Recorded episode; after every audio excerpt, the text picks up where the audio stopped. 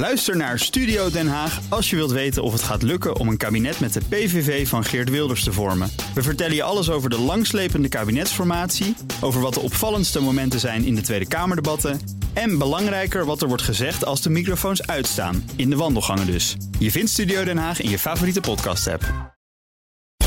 BNR Mobility wordt mede mogelijk gemaakt door ALD Automotive en BP Fleet Solutions. Today, tomorrow, together. BNR Nieuwsradio. Mobility. Meindert Schut en Nout Broekhoff. Deelscooterbedrijf GoSharing gaat verder zonder de oprichter Raymond Pauwels. hij kiest voor een, een nieuw avontuur bij het Maasplatform UMOP.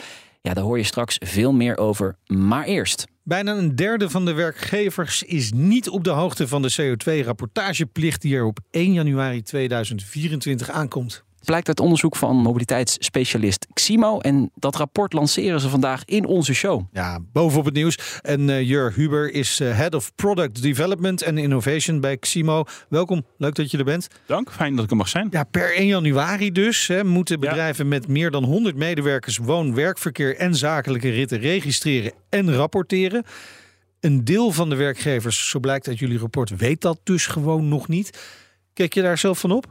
Nou ja, behalve dat een deel, dat klinkt nog vrij bescheiden. Ja. Uh, het is ruim een derde. Ja, het is 35 procent hè? Het is, het is echt veel. Ja. Uh, en ja, daar keken wij wel van op. Wij hebben het onderzoek gedaan omdat we het idee hadden binnen onze eigen klanten en prospects dat het niet echt leefde. Maar dan kan het natuurlijk zijn dat wij simpelweg met de verkeerde personen praten. Ja. Dus wilden we breder in de markt uitzetten. En dan blijkt eigenlijk dat hetgeen wat we al een beetje vermoeden binnen onze eigen relatief kleine cirkel. Want het betreft hier 8000 bedrijven die hier uh, voor in aanmerking komen. Ja, met meer dan 100 medewerkers. Met meer dan 100 medewerkers, inderdaad. Dat het ja, niet echt leeft. Waar ligt dat aan? Mijn persoonlijke vermoeden is dat het het is een onderwerp wat niet specifiek bij één persoon belegd is bij die meeste bedrijven.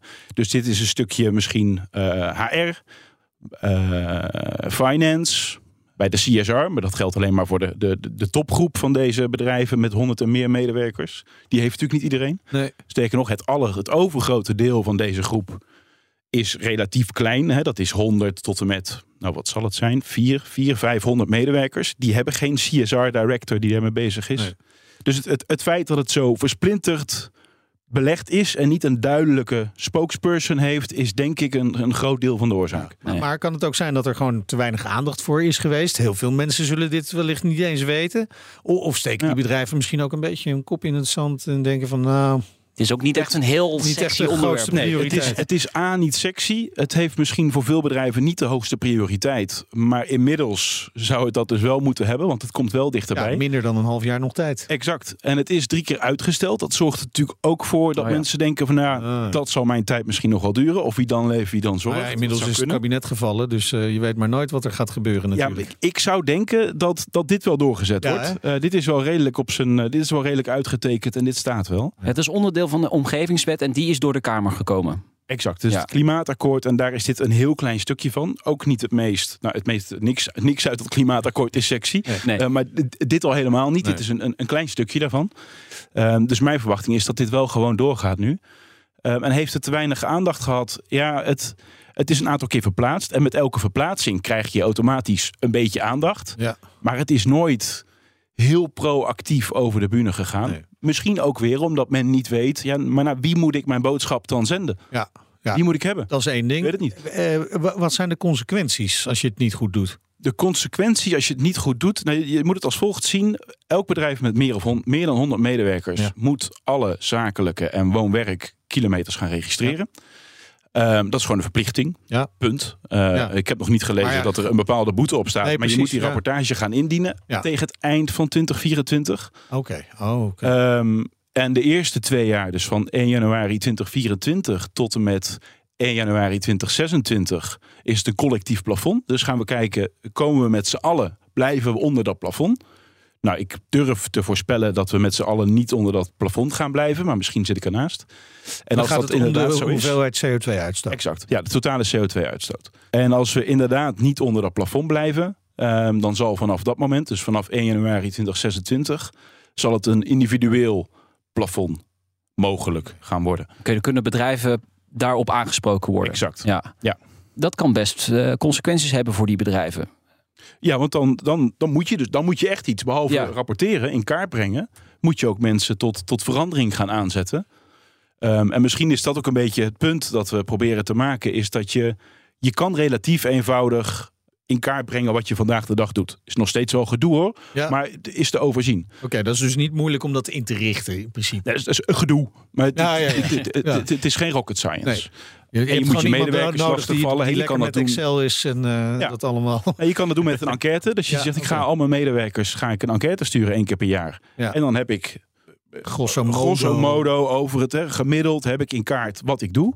Alleen als dan het moment komt dat men zegt van ja, maar nu moet je, nu moet je eh, aan knoppen gaan draaien. Nu moet je gaan minderen. Jij moet zorgen dat jouw medewerkers CO2-neutraler gaan reizen. Ja. Minder reizen kan natuurlijk ook een oplossing zijn. Meer thuiswerken, I don't know. Anders reizen. Anders reizen. Ja, ja. Eh, dan, moet je, dan moet je knoppen hebben. En als je dan het enige wat je dan hebt een Excel-lijstje is en een, en een enquête. Ja. Ja, dan heb je een probleem tussen aanhalingstekens. ja, precies. Ja, Want dat klinkt eh, wel een beetje als een papieren werkelijkheid. Hè? Nou, dat wilde ik wel zeggen, ja. Want ik kan zeggen dat ik met de auto of met de trein of met de fiets naar het werk kom. Maar ja, misschien registreer ik dat wel anders. Het lijkt me ook heel fraudegevoelig trouwens, dit. Ja, de, mm, weet ik niet. Eh, want uiteindelijk ga je het, hè, als je het door een enquête gaat uitvragen, dan moet je het aan het gros van de populatie doen. Hè. Dus dan moet je, eh, nou, er zijn hele mooie tools voor online met een, een, een responscalculator. Hè. Hoeveel mensen moet ik dit vragen om, om aan het, Mhm. eh, de, de vereiste eh, cijfers te komen? Dan denk ik over de hele linie dat daar best wel een eerlijk beeld uitkomt. Mensen zijn zelf, hè, dus werknemers zijn zelf ook niet gebaat bij eh, bij, bij, Nee. bij marchanderen, zoals dat in België zo mooi zeggen. Ehm, dus nee, ik, dat, dat valt denk ik wel mee. Maar je moet het ze wel gaan vragen. En je moet uiteindelijk, zou ik denken, wil je een tool in handen hebben. Ja. Om mensen ook te stimuleren. Van nou, mijn, net, kom nou eens niet met de auto naar kantoor. Nee, precies. Maar pak nou eens die trein of pak Ja. de fiets. Of, en daar geven we ook een beloning voor. Dus dan kun je mensen ook triggeren. Een, een, een stimulans geven om dat te doen. Meer dan alleen maar dat lijstje, maar euro's in de zak. Ja, maar, maar toch nog heel even terug naar, voordat we naar, echt naar de oplossingen gaan. Mhm. hè, van hoe, hoe je medewerkers kunt verleiden om eh, minder CO2 uit te stoten. Ja. Want daar gaat het uiteindelijk Ja. om. Die rapportage, uiteindelijk moet die gewoon vanuit de bedrijfsleiding komen, zo'n rapportage, neem ik aan. Ja, Ja. hè, dat- ja. En Die, die, die zijn erbij gebaat om die CO2-uitstoot in ieder geval op papier zo laag mogelijk te hebben. Juist. Omdat ze dan collectief makkelijker onder dat, onder dat plafond kunnen blijven. Uiteindelijk sowieso. In eerste instantie is dat nog maar even de vraag. Hè? Als je het denkt als relatief kleine organisatie met 100 man. Ja. Ja. wat, wat doet mijn uitstoot op dat grote plaatje? Dus of hij nou hoog is of laag. Ik heb daar geen invloed op. Maar eh, uiteindelijk ja, bij, zijn we met z'n allen, of werkgevers in ieder geval, bij gebaat om het, Ja. om het te drukken. Maar wat is dan de doelstelling? Een hoop CO2 eh, besparen en hoeveel dan? Ja, dat is eh, niet helemaal duidelijk. Kijk, de, de, de overliggende doelstelling is het klimaatakkoord. Eh, en daar zijn heel veel dingen voor in, in werking ge- gebracht om de CO2 te reduceren. Dit is er eentje van. Niet de meest grote. Dit gaat, dit gaat, ons, niet, dit gaat ons niet redden, Nee. eh, in mijn optiek. Ze kruimeltje. het is een kruimeltje, maar het is er wel. Het is er wel een. En het is ook, maar misschien is kruimel niet het goede woord. Nee. Want we, we weten het nu simpelweg niet. Dus we weten eigenlijk precies. niet. Het is ook een tool om inzichtelijk te maken Exact. wat er nou Is het nou kruimel? CO2 het, is, het, is, is. het is sowieso geen enorme, het, geen enorm stuk van de taart. Dat is het zeker niet. Maar we weten niet of het een kruimeltje, kruimeltje is of een serieuze kruimel. Nee, Om, eh, ja. Maar gaat het er echt voor zorgen dat die bedrijven die, die, die mobiliteit anders gaat in, gaan inrichten? Want dat is wel het, volgens Ja. mij ook een van de doelen dan. Nou, ja, ja ik, ik denk van wel. Eh, want als Maar dat over een plafond. paar jaar. Ja, als Ja. dat plafond, als het in kaart gebracht is en dat plafond staat er en je brengt trapsgewijs, dat gaan ze ongetwijfeld doen, dat plafond naar beneden. Ja, dan zul je telkens iets moeten om het, om het nog iets verder aan te Ja, scherpen. precies. Als het aanscherpen. Dus je scherpt Exact. het aan en dan moet je ieder jaar daar weer aan Er is voldoen. nu niks over gezegd, Nee, maar nee. voor mijn gevoel is dat een, een logisch gevolg. Maar het, is, het is natuurlijk ook een hele interessante groep bedrijven hè, waar het hier om gaat. Want je ziet bij de corporates, die hebben dat eigenlijk wel vaak ingebakken. Die zitten ook eh, meer onder het vergrootglas liggen die. Dus die maken een, een corporate doelstelling van Mhm. Ja. om die CO2 omlaag te brengen. Bij dit soort bedrijven, tot 500 man, is dat vaak niet zo. Hè. Die denken toch vooral van, ja, weet je, als mijn wer- medewerker om een eh, leaseauto vraagt, nou, ik doe mijn leaseauto, want het is nog veel moeilijker om een nieuwe medewerker te vinden. Zeker in deze tijden. Ja. Ja. Ja, en dan heb je dus, dus ja, absoluut. En voor die groep, die hebben ook niet een, een, een afdeling die hiermee Nee, aan de slag kan. En, eh, Ja. eh, maar nogmaals, het hoeft ook niet. Er zijn slimme oplossingen te bedenken. Waarmee je er echt mee geholpen Ja. kan worden. Eh, waarmee het misschien niet eens per se geld kost voor jou als werkgever. Nou ja, een elektrische leaseauto stoot geen CO2 uit. Nou, Dus, en ik, en ik wil ja. het zeggen, je, je, het gros niet van je uitstoot, zeker als je elektrisch rijdt, zit niet in, jouw eh, in je leasevloot. Nee. Eh, want dat is elektrisch, dat is misschien elektrisch, dat is sowieso modern. Hè, er, Ja. er- er zijn geen leaseauto's ouder dan vijf jaar. Eh, dus dat zijn allemaal relatief zuinige auto's. De pijn zit hem in de kantoormedewerker die met een koude motor en een tien jaar oude diesel vijf kilometer naar kantoor rijdt. Ja.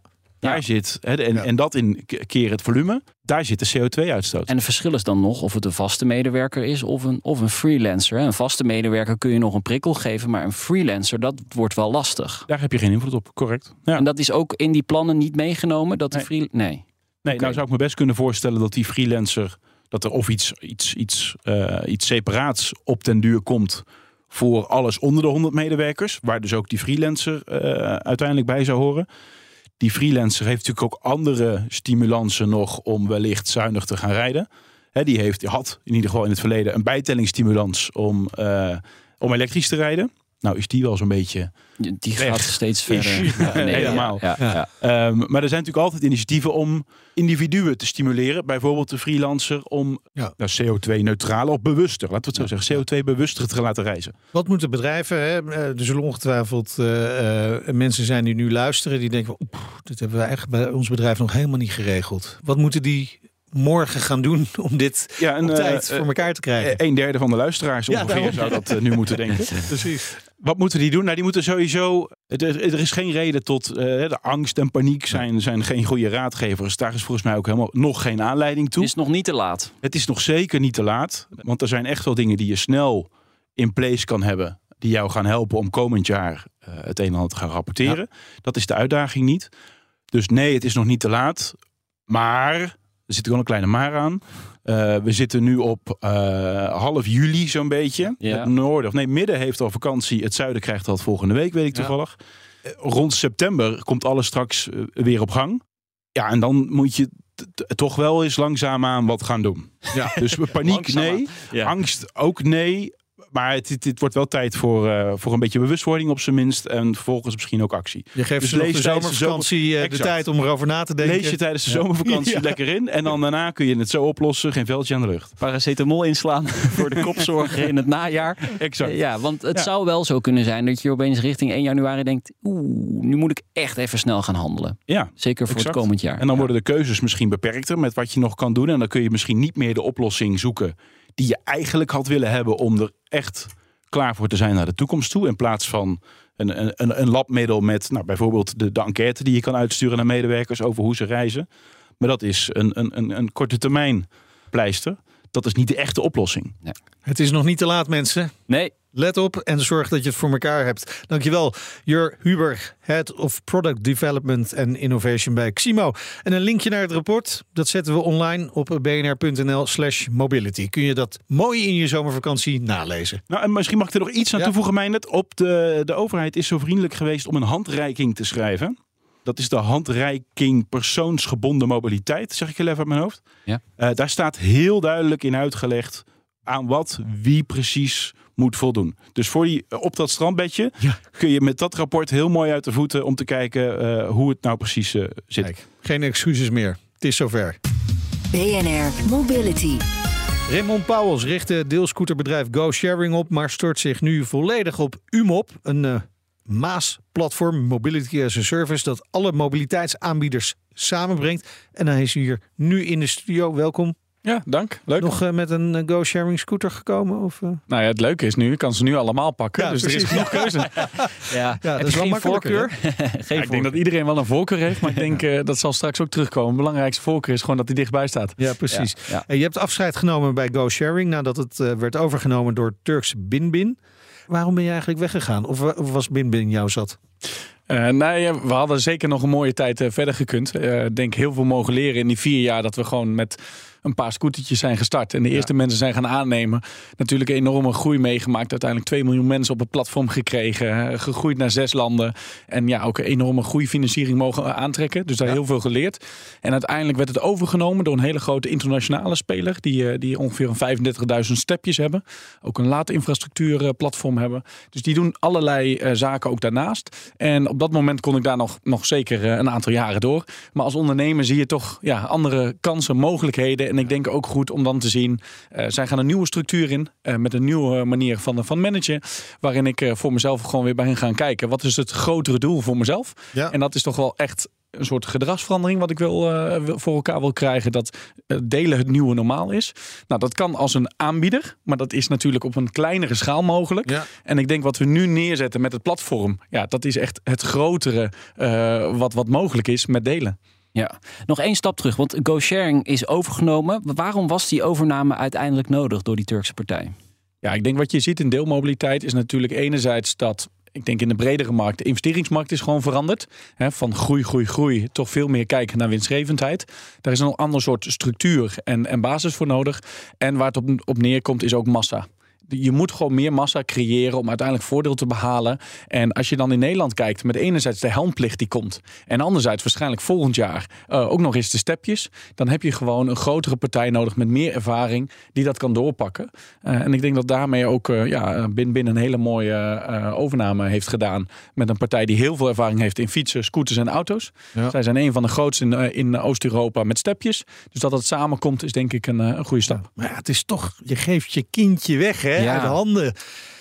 Ja, nee, dat, dat is inderdaad heel lastig. Maar ik denk vanaf dag één hebben we gezegd... voor ego is geen plek bij, eh, bij ons in het bedrijf. Iedereen moet samen bouwen. En daarin is het ook gewoon goed om te kijken... hoe kunnen we het bedrijf uiteindelijk verder brengen.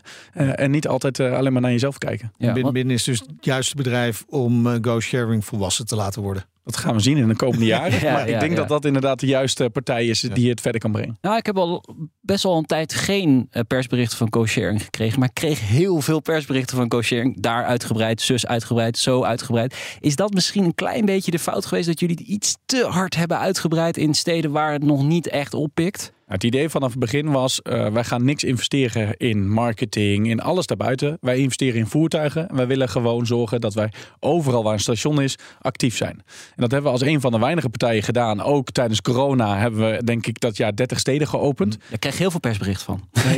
Dus we hebben enorm hard eh, uitgebreid. Ja. En ook eh, heel erg geïnvesteerd in juist die dichtheid van de voertuigen. Ik denk dat het uiteindelijk ook de juiste manier is om te groeien. Niet alles eromheen, maar juist focussen op hetgene wat van belang is. Alleen, ja, de tijd is natuurlijk lastig. De helmplicht is lastig. Ja. Eh, nou, wat je nu hier- Financiering, geld lenen kost weer echt veel geld. heel veel. Ja. Hè, dus dat is lastig. Ja. Maar ook alle vergunningen en het volwassen worden van de vergunningstrajecten. Ja. We zijn natuurlijk in, in meer dan de helft van de steden gewoon maar gestart zonder vergunning. Ja. Eh, en daar komen allemaal steden- vergunningen. Ja, besturen worden gewoon lastiger ook. Die stellen meer eisen. Ja. Ja, wat denk ik goed is. Ja. Alleen, hè, dus het is goed dat er een hoog platform is qua kwaliteit. Hè, veel eisen eraan zitten. Alleen het is wel lastig als enerzijds een vergunning wordt gegeven voor een jaar, ergens anders vijf jaar. Anders, eh, we hebben ook heel veel steden gezien, dat was gewoon een loting. Ja, Nou, als je ja. daar dan actief bent, je neemt personeel aan, je hebt een, een locatie, je wisselt daar die, die accu's, je hebt daar een klantenbestand. En dan zegt een gemeente, joh, we gaan loten. En uit de vijf word je het wel of niet. Ja. Dat is best wel een risico. Ja. Ja, maar hier hoor ik echt heel veel eh, platformen over, eh, over klagen. Dit moet echt veranderen, want dit gaat niet goed. Eh, aan de ene kant snap ik het ook, hè, want je wil niet dat al die deelmobiliteit aanbieders samen met tientallen voertuigen tegelijk op een plek staan. Dat we, dat willen, die moet dat reguleren, maar er moet even iets meer eh, over nagedacht worden om dat goed te structureren. Meent? Maar ja, jij gaat nu aan de andere kant werken. precies. Ja, want je zit niet stil natuurlijk met UMOP. Wat is UMOP? Ja, UMOP is één platform waar je één keer registreert en één keer ook je betaalgegevens toevoegt. En dan kun je alle vormen van deelmobiliteit, OV eh, en de taxi gebruiken. Waarbij je nu dus ziet dat je gemiddeld 15 appjes op je telefoon hebt. Ja. Eh, eh, voor zowel de trein, maar dan ook voor deelmobiliteit. En als je naar het buitenland gaat, dan zie je nog eh, alle kleuren op ieder hoek. Ja, Meestal is dat mijn tijd dat er weer een paar appjes bij komen voor de verschillende steden, verschillende landen Juist. en de verschillende platformen. Ja. Ja, en de een die zegt koop lekker een pakket. De ander die zegt voeg maar iets toe. En soms moet je nog een dag wachten totdat je goedgekeurd bent. En wij willen je het juist overzichtelijk maken. Zowel voor consumenten als ook voor toeristen. Hè, zoals wij ook weer de toeristen in het buitenland zijn. Om gewoon één app te hebben in Europa waar alles in zit en volledig geïntegreerd. Maar dit klinkt te mooi om waar te zijn.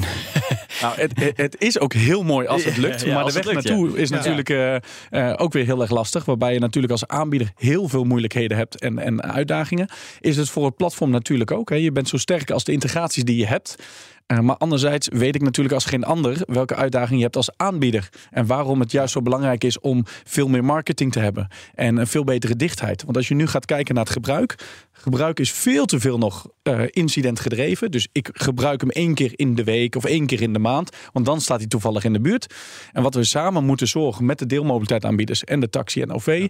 Is dat je gewoon weet, er staat er altijd één binnen drie minuten. Want dan ga je hem verwisselen voor je eigen auto. Ja, daarvoor moet je natuurlijk wel al die aanbieders in je app weten te krijgen. Eh, what's in it for them? Hè? Waarom zouden zij eh, hun voertuigen in jullie app willen aanbieden? Ja, ik denk dat iedereen ziet dat het gebeurt. Hè? Dus, dus kijk naar thuisbezorgd. Hè? Vroeger ging je naar het restaurant, nu thuisbezorgd of boeking. Je ziet dat dat platformeconomie komt meer en meer. Dat is natuurlijk ook voor de aanbieders zo.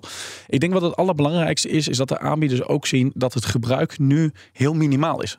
Hè, Een, eh, een voertuig wordt misschien vier keer gebruikt, als het goed doen, zes of zeven keer. Maar wat nou als dat tien keer is?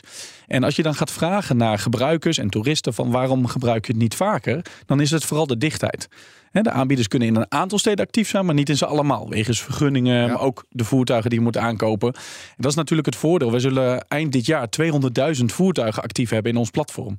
Ja, dat is veel meer. Met GoSharing heb ik vier jaar kaart voor gewerkt om de 15.000 te krijgen. Met Ja. bijna moeite. Ja. Dus de, die schaal is heel belangrijk. En ik denk dat we allemaal moeten kijken. Hoe zetten we de klant centraal? De, de, de consument. En hoe gaan we het daar makkelijker maken? En makkelijker is vooral drempels weghalen. Ja, en samenwerken. Die, die partijen moeten dat ook gunnen aan elkaar. Ja, het samenwerken enerzijds met aanbieders, maar ook met gemeentes. Dus hoe gaan we ervoor zorgen dat wij het makkelijker maken om Maas aan te bieden? Dus we zijn bijvoorbeeld met veel gemeentes ook in gesprek dat we kijken, iedereen wil dat de park and ride meer gebruikt wordt. Hè, vooral de gemeentes.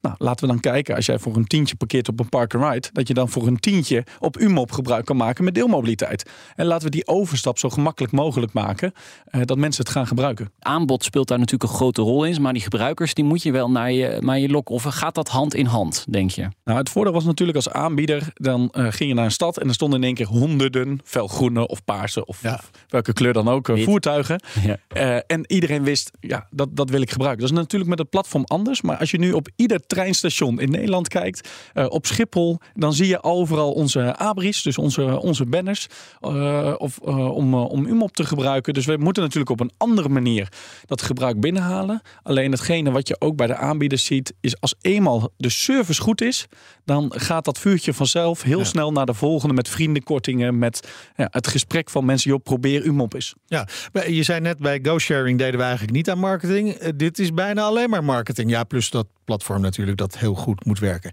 Uh, ik denk inderdaad dat dat wel een groot verschil is. Hè? Met, met GoSharing hadden we de voertuigen. En de voertuigen zijn eigenlijk rijdende abris als ze goed werken en het systeem is goed. Ja. Dus onze marketingmanager die we aannamen, uh, die vroeg ik van joh, die had eerst bij een andere aanbieder gewerkt. Uh, hoeveel marketingbudget heb je nodig per stad? Hij zegt nou rond de 100.000 euro. Ik zeg je krijgt 1000 euro en succes ermee. Ja. Dus die moest heel creatief zijn. En nu is het natuurlijk anders. Je moet echt laten zien aan mensen dat het mogelijk is. En vooral ook mensen die uh, Nederland binnenkomen, denk aan Schiphol of in Rotterdam Ja. met de boten, die moeten direct weten: download één appje en ik kan alles gebruiken. Maar dat wordt wel spannend, uh, Raymond. Of, of dit echt gaat werken, of dit gaat lukken. Want tot nu toe is Mobility as a Service nog niet echt groot van de grond gekomen in, uh, in Nederland. Toch? Ja, ik denk dat, dat het succes zeker zit bij de consument. In die zin dat ik van iedereen hoor dat er vraag naar is. Mhm. Maak het nou gemakkelijk, maak het overzichtelijk. Zorg dat het dan niet duurder wordt, maar juist dat ik efficiënter het kan gaan gebruiken. Dus ik geloof heel erg dat de- de vraag er is. Ik denk wat het lastige is, is hoe ga je ervoor zorgen dat ook alle aanbieders echt volledig integreren. En dat dat soepel loopt. En daar is denk ik heel lastig in geweest dat veel projecten ook gesubsidieerd door de overheid, zijn vooral lokaal geweest. Ja. Eén stad en aanbieders moeten integreren. Bij GoSharing hadden we het ook. Je moest integreren met 30 Maasplatformen. Ik zei, joh, stop met al die platformen. Dat werkt niet. Ge- laat maar eerst eens zien dat het werkt. En die commitment geven wij de aanbieders. Wij geven ze ook aan. Er wordt er minimaal gebruik gemaakt. We geven een commitment. Juist om ook te laten zien dat er volume achter een Maasplatform kan zitten. Ja. En eind dit jaar is dat dus gelukt. Dan hebben die 200.000 voertuigen in die app. En kan iedereen daar gebruik van maken. Ja, we hebben nu de eerste aanbieders al. Dus de app is live sinds vorige week in, Kijk. in, de App. Store. Ja. Eh, al met, eh, met taxi, ook de eerste deelfietsen, deelscooters komen er nu bij. En ook het OV komt eh, voordat iedereen weer straks na de zomervakantie eh, naar werk of school gaat, zit hij er ook in. Eh, maar aan het einde van het jaar zullen we 200.000 voertuigen in Europa geïntegreerd hebben, naast de taxi en het OV. Nou, dan is het natuurlijk nog niet volledig geslaagd, want om echt die dekking overal te hebben, heb je er nog veel meer nodig. Maar dat laat denk ik al wel een, een, een mooi standaard zien hoeveel dichtheid je kunt hebben. Amsterdam als voorbeeld. Hier als aanbieder van deelscooters mag je 350 scooters aanbieden. Nou, om de dichtheid te garanderen die je eigenlijk wilt hebben, binnen drie minuten lopen, moet je er 5000 hebben Wow. per aanbieder. Per aanbieder. Om die dichtheid te kunnen bieden. Weet je. Nou is het mooie, met ons Maasplatform zullen we 5000 voertuigen in Amsterdam hebben. Oké. En of jij nou op een groene, een paarse, een blauwe of Maakt een eh, gele rijdt, Ja. maakt allemaal niet uit. Je wil gewoon van A naar B. Nou, nou had je het over Schiphol net, hè, over mensen die daar aankomen. Eh, betekent dat daar ook de, de belangrijkste slag te halen is met incidentele gebruikers? Hè? Want de mensen die in en rondom Amsterdam wonen, bijvoorbeeld of andere grote steden, ja, die hebben hun weg wel gevonden hoe ze hun dagelijkse eh, mobiliteit inrichten. Het gaat vaak om mensen die op bezoek zijn. Nou, ik denk dat de toeristen heel interessant is. Ook omdat dat echt een extra is voor de aanbieders. Ja. Die zien toch dat ze die heel erg missen. In het buitenland zie je dat de stepjesmarkt eigenlijk helemaal gericht is op de toerist. Ja. Waar de toerist komt zijn de stepjes. Precies. Dat komt, hè, die geven meer uit. Het is vakantie, die huren gewoon een stepje voor een dag. Dus daar is veel te winnen voor de aanbieders hier. Maar de echte winst zit hem wel in het dagdagelijks vervoer van de mensen die juist hier wonen.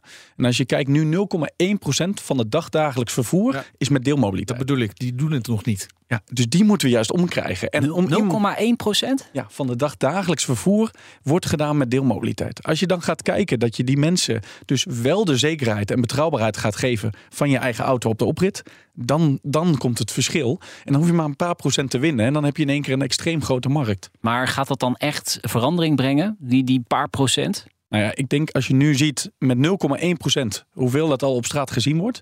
Dat als dat dan naar 5 of 10 procent gaat, is die impact extreem. Vooral als je dat in de binnenstad doet. En deelmobiliteit is vooral in de binnenstad natuurlijk eh, een groot gebruik. Als we dat kunnen combineren met gemeentes, met PNR-locaties, met juist die auto meer uit de binnenstad halen.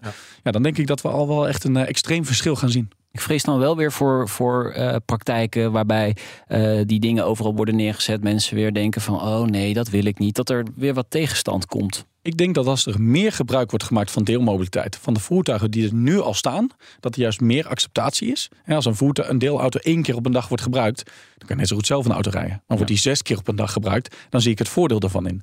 En waar wij heel erg naar kijken met gemeenten is, kijk nou in de nieuwe vergunningsaanvragen, hoe maak je mobiliteitshubs? Hoe maak je gewoon in iedere stad, eh, straat een vast punt waar je een aantal voertuigen kunt neerzetten? En maak het dan zo gemakkelijk mogelijk.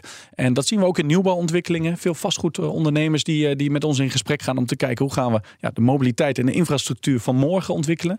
Eh, dus daar zit heel veel aan te komen wat dat gaat verbeteren. Ik ben echt heel benieuwd eh, naar eh, UMOP en eh, de, de volgende We gaan eens proberen. In ieder geval wordt als het goed is met UMOP weer een drempel eh, weggenomen voor eh, het deelmobiliteitsaspect. Dankjewel Raymond Pauwels en succes met eh, UMOP.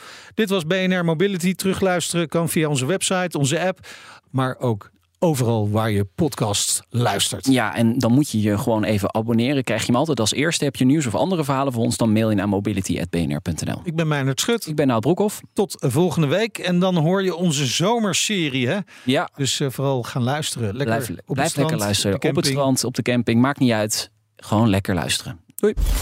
BNR Mobility wordt mede mogelijk gemaakt door BP Fleet Solutions en ALD Automotive. ALD Automotive. Ready to move you.